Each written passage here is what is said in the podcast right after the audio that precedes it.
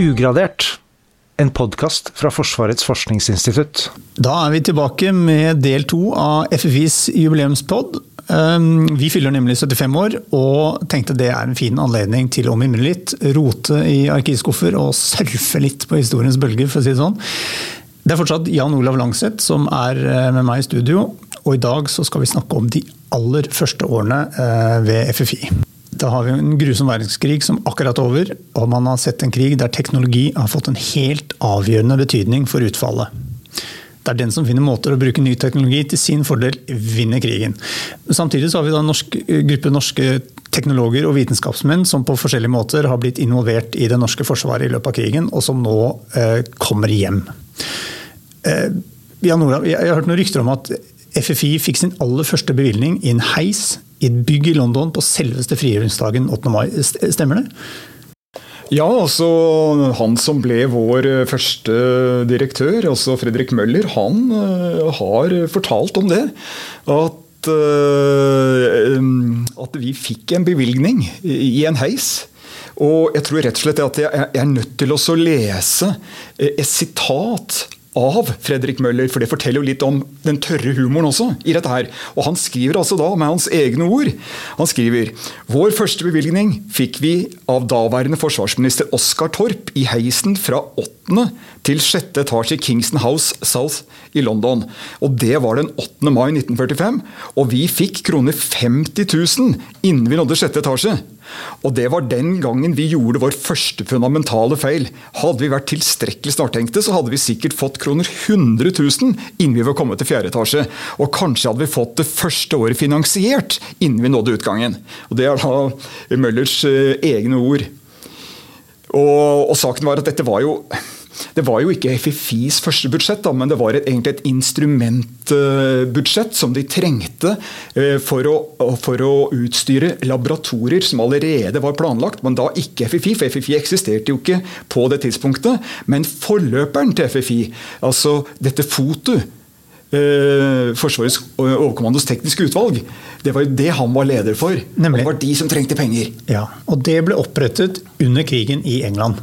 Det stemmer. Ja. Så det ble oppretta i 42 da, for å nettopp skaffe eh, britene ingeniører til sine militærtekniske laboratorier, og for å kunne være en, en, en råder innenfor militærteknologiske spørsmål. Da.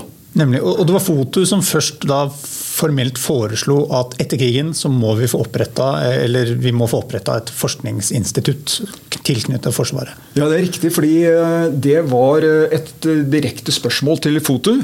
Om, og det var i 44, da. Hvordan skal vi sikre at framtidens norske forsvar har et tilstrekkelig og høyt teknologisk nivå? Og Da kom jo FOTU med et forslag at dette er en Måten å sikre dette på, det er å opprette et Forsvarets forskningsinstitutt. Og svaret kom i 44.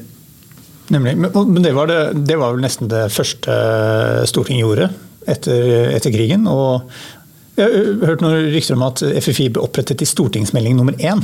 Ja, det er, det er riktig. Eh, I, eller stortingsproposisjon eller melding. Ja. Altså, det er vel slik at eh, et departement eh, lager jo da et forslag, en proposisjon, som blir vel godkjent av regjering og så storting. Og nå var det jo Gerhardsen-regjeringen som skulle godkjenne.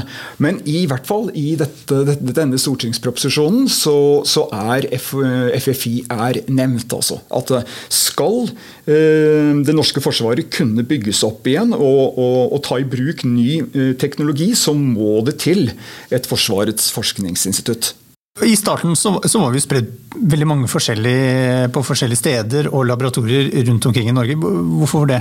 Hvor var det vi var, og hva var det vi holdt på med de forskjellige stedene? Ja, altså Det som skjedde umiddelbart etter krigen, det var jo at For det første, og det var jo veldig viktig, det, det var altså en 30-40 norske ingeniører og vitenskapsfolk som jobbet i britiske laboratorier. Eh, de satser jo på masse kunnskap. Og, og, følgelig så ble det jo bestemt at eh, departementet bestemte at Forsvarets overkommando kunne disponere disse her folka hvis de ville. Og følgelig så En stor del av disse som hadde jobbet i England, men det kom også folk andre steder ifra, eh, de, de ble med over og, begynte, og skulle da begynne å jobbe. Men hvor skulle de være? Altså, det er jo ganske naturlig å tenke i et, i et Norge eh, som lå nede på så mange måter, og ting skulle begynne å bygges opp igjen. Eh, det var vanskelig å finne kontorer, bygninger, det var dårlig med midler etc. Så da drar jo folk der de hadde kontakter før krigen. Og Følgelig så fikk jo vi to avdelinger i Bergen. Og De var jo da knytta opp mot uh, nærkontakt med Christian Michelsen-instituttet der. Som da fikk navnet telekommunikasjon og radar. Og i forrige podkast snakker vi om Helmer Dahl. Og han ble jo da leder for radaravdelingen i Bergen. Og Det var ikke unaturlig, for han hadde sterke forbindelser til Christian Michelsen-instituttet i Bergen. Vi hadde en kjemiavdeling, eller sagt når jeg sier nå vi, så er det jo da egentlig FOTU. Altså forløperen til FFI. Eh, som, eh, altså vi hadde en kjemiavdeling på Kjemisk institutt på NTH, altså dagens NTNU i Trondheim. Vi hadde en, en fysikkavdeling på Astrofysisk institutt på Blindern. Eh, vi fikk en avdeling som skulle jobbe med undervannsforsvar i Horten. Og så selvsagt, Det var også en form for et sekretariat da, som etablerte seg i Oslo. For det skulle være nært departementet. Så vi var spredd eh, mange, mange steder. Mm. Hvordan har det seg, nå, Akkurat nå sitter vi og spiller inn på, på Kjeller uh, utenfor Lillestrøm. Uh, hvordan havna vi på det jordet der? ja, du... allerede ved starten av foto og, og, og helt i, i, i, FFIs første tider. Fordi eh, FFI ble jo eh, opprettet da, eh, av et enstemmig storting 11.4.1946. Det var jo helt opplagt at det å ha små avdelinger For vi snakker om få mennesker, 57 ansatte etter ett år. De var spredd på forskjellige typer steder. Det var, ga jo ingen god uh, helhets- eller enhetsfølelse. Og det ble mye reiseaktivitet for, for, forskere, og ikke minst for avdelingssjefene. Dette her kunne jo ikke gå bra. Så helt fra starten så begynte de å se etter hvor skal vi være. Og, og sommeren 47, altså ca. et år etter at vi var eh, etablert, så dro våre avdelingssjefer ut eh, på tur med forskningsfartøyet vårt. Eh, og da dro de jo da til Asker og Bærum, fordi målet var å finne en egnet plass med strandtomt. Så de var innom Veritas-tomta, de var på Kadettangen. Og for egen del så må jeg jo bare skyte inn at jeg hadde ikke hatt noe mot det, fordi jeg bor på vestsida av Oslo. da. Eh, så ideen var de måtte ha et område med strandtomt. Det var ikke noe rart at man tenkte at det skulle ha strandtomt pga. Eh, arbeidet med undervannsforsvar. Det å bekjempe ubåter. Men så skjedde det at vi fikk ikke forlenget kontrakten med med de få kontorene vi hadde på Astrofysisk institutt. Og det var for så vidt like greit, fordi lederen der, vår leder der, Gunnar Anders, han sa at det var veldig kummerlige forhold. Og Jeg har også hørt at noe av det samme eh, var i ferd med å skje på NTH. Så følgelig, eh, nå ble det travelt. Og i den tida der, rundt sommeren 47, så ble det klart at ute på et jorde på Kjeller, så hadde tyskerne satt, eh, satt igjen, forlatt, ganske bra bygninger relativt god kvalitet. Mye bedre enn disse tyske brakkene disse tidlige FFI-avdelingene hadde rundt omkring i landet. Og, og, her hadde jo da, i forkant så hadde jo da eh, Luftforsvarets eh, eh, skolesenter De var her, men de eh, forlot da disse bygningene i 47 og dro til Kjevik. Og da sto det tomt. Og de fikk vi lov til å flytte inn i. Men dette var midlertidig. Fordi det var fortsatt tanker om å få et, eh, et område i Asker og Bærum med strandtomt. Så Saken var i hvert fall at i 47 og 48 så begynte avdelinger å flytte inn i disse tyske brakkene. Og vi sitter jo nå altså i en, eller ikke brakker, det er helt feil å si, eh, bygningene eh, her på Kjeller. Og vi mm. sitter jo i en av disse bygningene nå. Ja, det står fortsatt ganske solide og tjukke murvegger, og nå, akkurat nå er det jo ja, er nesten 700 ansatte. Kanskje ikke akkurat her, men på Kjeller og Horten til sammen er det 700. Men det å være ansatt, det å jobbe på FFI i starten eh, Jeg har lyst til å prate litt om det. For, fordi, som jeg sa, Vi har nettopp vært ferdig med krig. Og Dette er jo da gjengen som skal sørge for at vi har teknologi til å forsvare oss hvis det skal dukke opp en ny konflikt. Det må jo ha vært prega av et sånn alvor og en ganske tung ansvarsfølelse?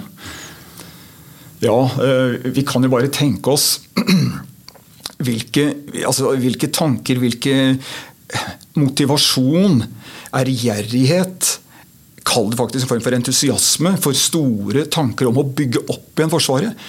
Altså, eh, og for så vidt landet eh, for øvrig. Altså Bare tenk. Mange av de første ansatte hadde jo vært med i motstandsbevegelsen. De hadde flykta, noen hadde blitt arrestert, noen hadde vært fengsla. De dro til England, jobbet der. Og av andre ansatte vi hadde, så hadde vi folk som hadde sittet i konsentrasjonsleir. En av disse han satt jo i Dachau i, flere år. Begynte å jobbe som forsker ved FFI. Vi hadde folk som, som hadde bakgrunn ifra Kompani Linge, altså denne her norske avdelingen som en del av det britiske forsvaret, kall det gjerne de første spesialsoldatene i Norge. og som var en av de få, Vi hadde altså en vaktmester her, og han var en av de få som, som overlevde langgangen i den nederlandske øya valskjern. Altså, vi hadde folk med vi hadde altså folk med så mye bakgrunn, eh, så mye tung historie. Og da de kom hit, så, så klart de ville jo yte. Og det, jeg, er, nødt, jeg er nødt til å si et sitat altså, ifra stortingsproposisjon 1, som forteller litt om betingelsen ved ansettelser.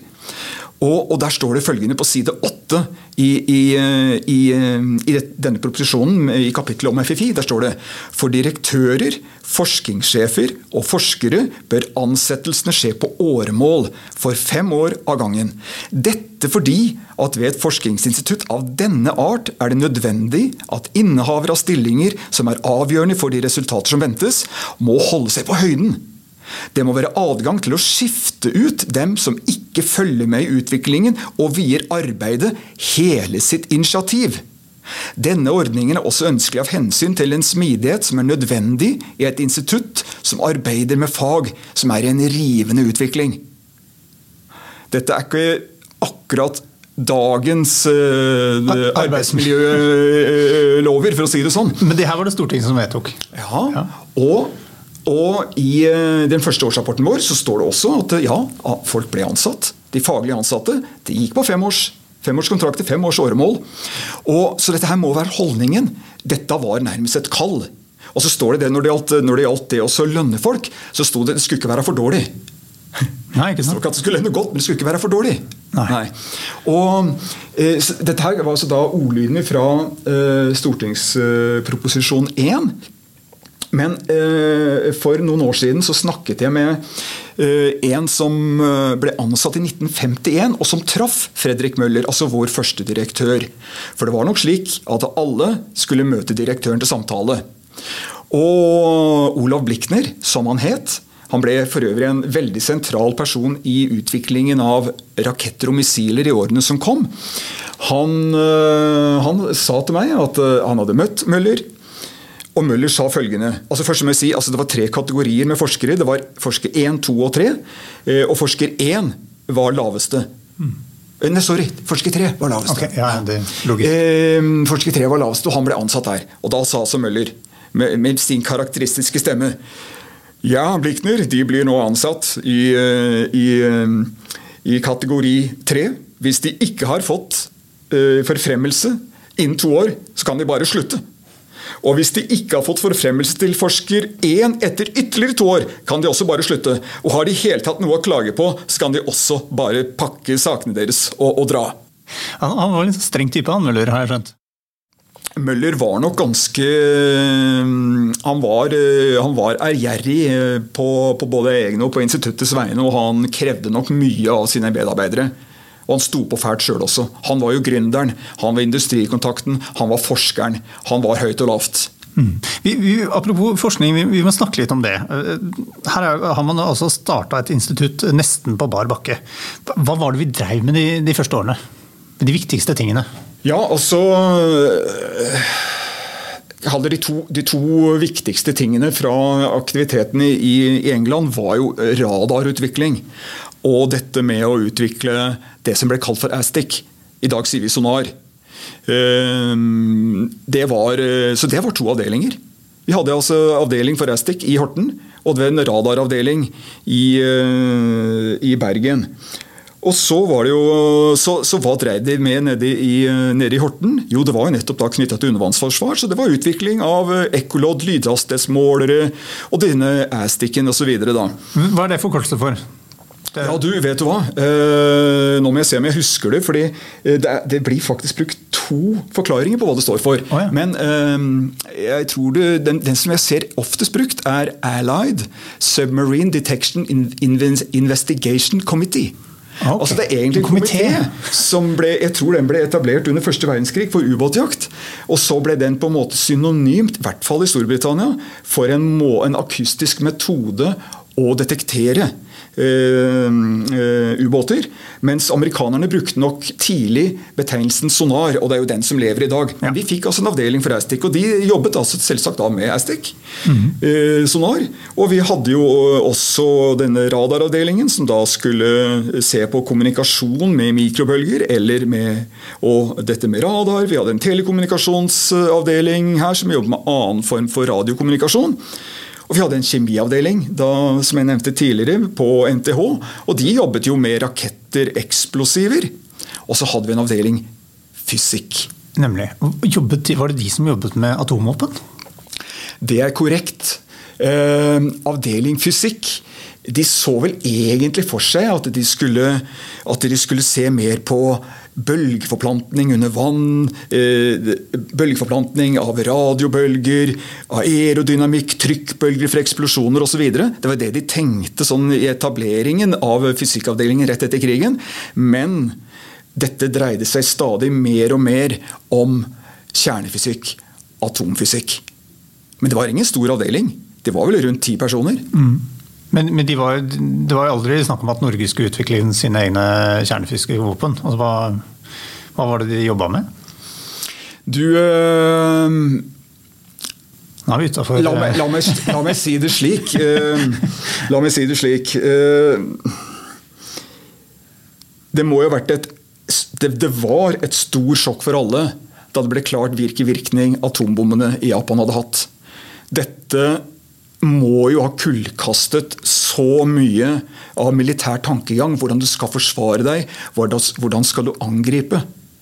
Så det var klart det var mange land som umiddelbart eh, etter krigen ville finne ut hva var dette her. Kan vi lage det? Fordi et sånn type våpen er det vanskelig å beskytte seg mot. Så følgelig kom jo dette med en sånn form for avskrekkingstanke. Vi må også ha det fordi andre har det. Og Samtidig så kom det også, spesielt for USA, naturlig nok, en sterk interesse om at det måtte bli en internasjonal begrensning av bruk av kjernefysikk. Uh, av kjerneenergi, både sivilt og militært. Men uh, til svar på spørsmålet ditt jo, vi hadde tanker om atomvåpen, vi også.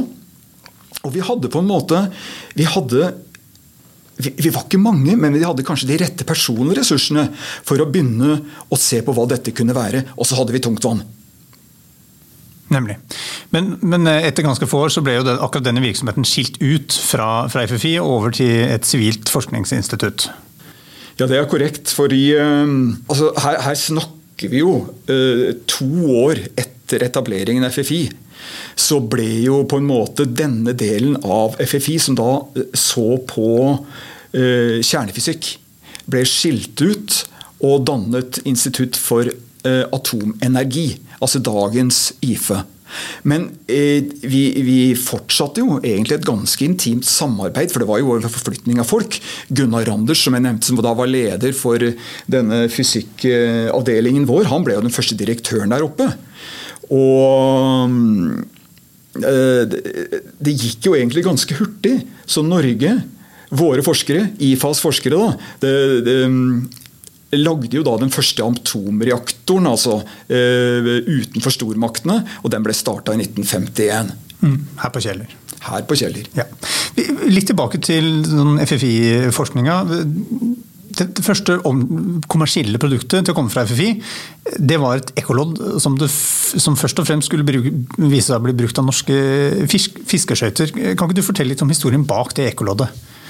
Hvorfor, hvorfor, var det et ekkolodd som ble det første produktet fra FFI?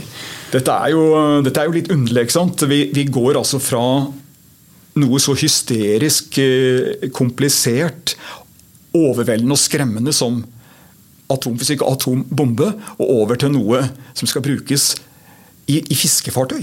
Et ekkolodd. Det er en ganske stor forskjell. Mm. Uh, her var det jo vår første direktør, Fredrik Møller, som helt fra starten av da var leder for Næstik-avdelingen nede, nede i Horten. Han uh, ivret veldig for dette med uh, kommersialisering. Vi vil, I dag kaller vi det kommersialisering. Det å etablere industri på bakgrunn av FFI-aktivitet. Og han viste seg da som en egentlig ganske pragmatiker. Han uttalte vi trenger noe enkelt å starte med. Noe som kan gi oss innsikt, noe som Forsvaret kan bruke, noe som industrien eh, og fiskerinæringen kan bruke. Og da var tanken vi lager et lite ekkolodd eh, som er både bra, billig og lite, altså. Slik at det kan eh, eh, bli brukt om bord i små fiskefartøy. Så det var egentlig, det var egentlig grunnen. Og vi, eh, og vi satte i gang, og det tok ikke så lang tid. Vi brukte jo deler vi hadde, og det gjaldt egentlig mye av vår aktivitet. Hentet utstyr herfra og litt derfra. Det var vanskelig å få tak i ting etter krigen. Og i 47-48 så var prototypen klar, da. Så, så var det jo et firma som het Simonsen Radio som, som ble valgt til å produsere et e- e- ekkolodd. Og det var kanskje ikke helt tilfeldig, det heller? Nei, det kan du si. Altså det som skjedde, det var jo at eh, etter at vi hadde lagd en prototype, og vi hadde også øh, søkt om patenter på, på, på deler av teknologien, så, så, ville vi jo at noen skulle produsere dette her. Og da ville vi i dag ha kalt det en sånn form for anbudskonkurranse eller noe sånt. Nå. Men i hvert fall, øh, det var vel en tredvetalls bedrifter som ønsket å gjøre dette her. Og så falt valget altså på en temmelig nyetablert eh, et nyetablert firma i Oslo, og det var eh, Simonsen Radio. Og, og Simonsen han var jo en eh, eller Willy Simonsen han var jo en, en kjent kar for, også for FFI. Han var også av de ingeniørene som, som var i England. Men han hadde jo i tillegg en ekstremt dramatisk forhistorie med tanke på det å, å, å jobbe i motstandsbevegelsen. eh, det å bli arrestert. Og, og det å bli redda i en ganske så spektakulær eh, aksjon. Egentlig så burde det vært film. Og, så er det det, så Den interessante saken det at det, i, i forrige podkast snakket vi en del om Helmer Dahl i Bergen. Fordi Helmer Dahl ansatte Willy Simonsen. Men Simonsen var en aktiv kar, også innenfor, eh, innenfor motstandsbevegelsen. Så han begynte å av, avlytte eh, tyskernes kommunikasjon mellom, mellom Oslo og Bergen. Og dette skjønte Helmer Dahl, og sa, du kan, han ringte til Willy Simonsen og sa du kan ikke gjøre dette her. Den samtalen gjorde at Helmer Dahl selv ble arrestert og satt noen måneder i fengsel. Men Willy Simonsen også, han ble også, han ble også fengsla.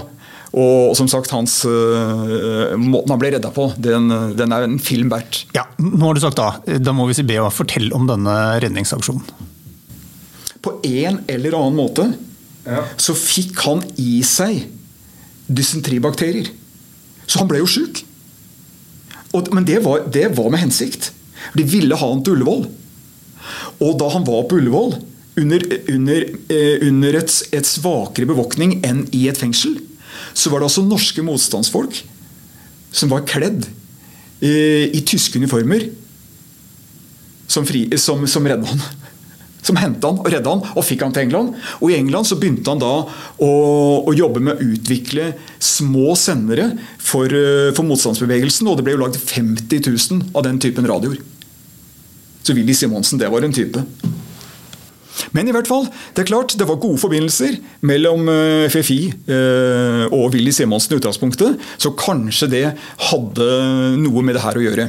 Og En annen side ved det hele det var jo at det skjedde jo så noe underlig med denne produksjonen av, av Ekkolodd. Litt, litt eh, utypisk. Det var jo at eh, FFI og FFIs forskere fikk en andel av salget av dette ekkoloddet til Simonsen Radio. Og Simonsen Radio ble etter hvert en, var en litt enklere navn. Det ble til Simrad. Nemlig. Og det Og det- flytta til Horten i 57. Og det, det, det er jo blitt et kjent navn. Uh, Det ble, det ble jo synonymt med ekkolodd og, og sonarer.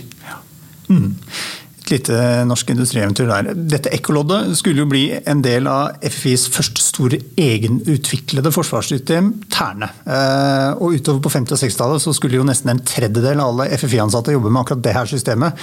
Men hva det var og hvordan det fungerte, det skal vi snakke om neste gang. Takk for i dag.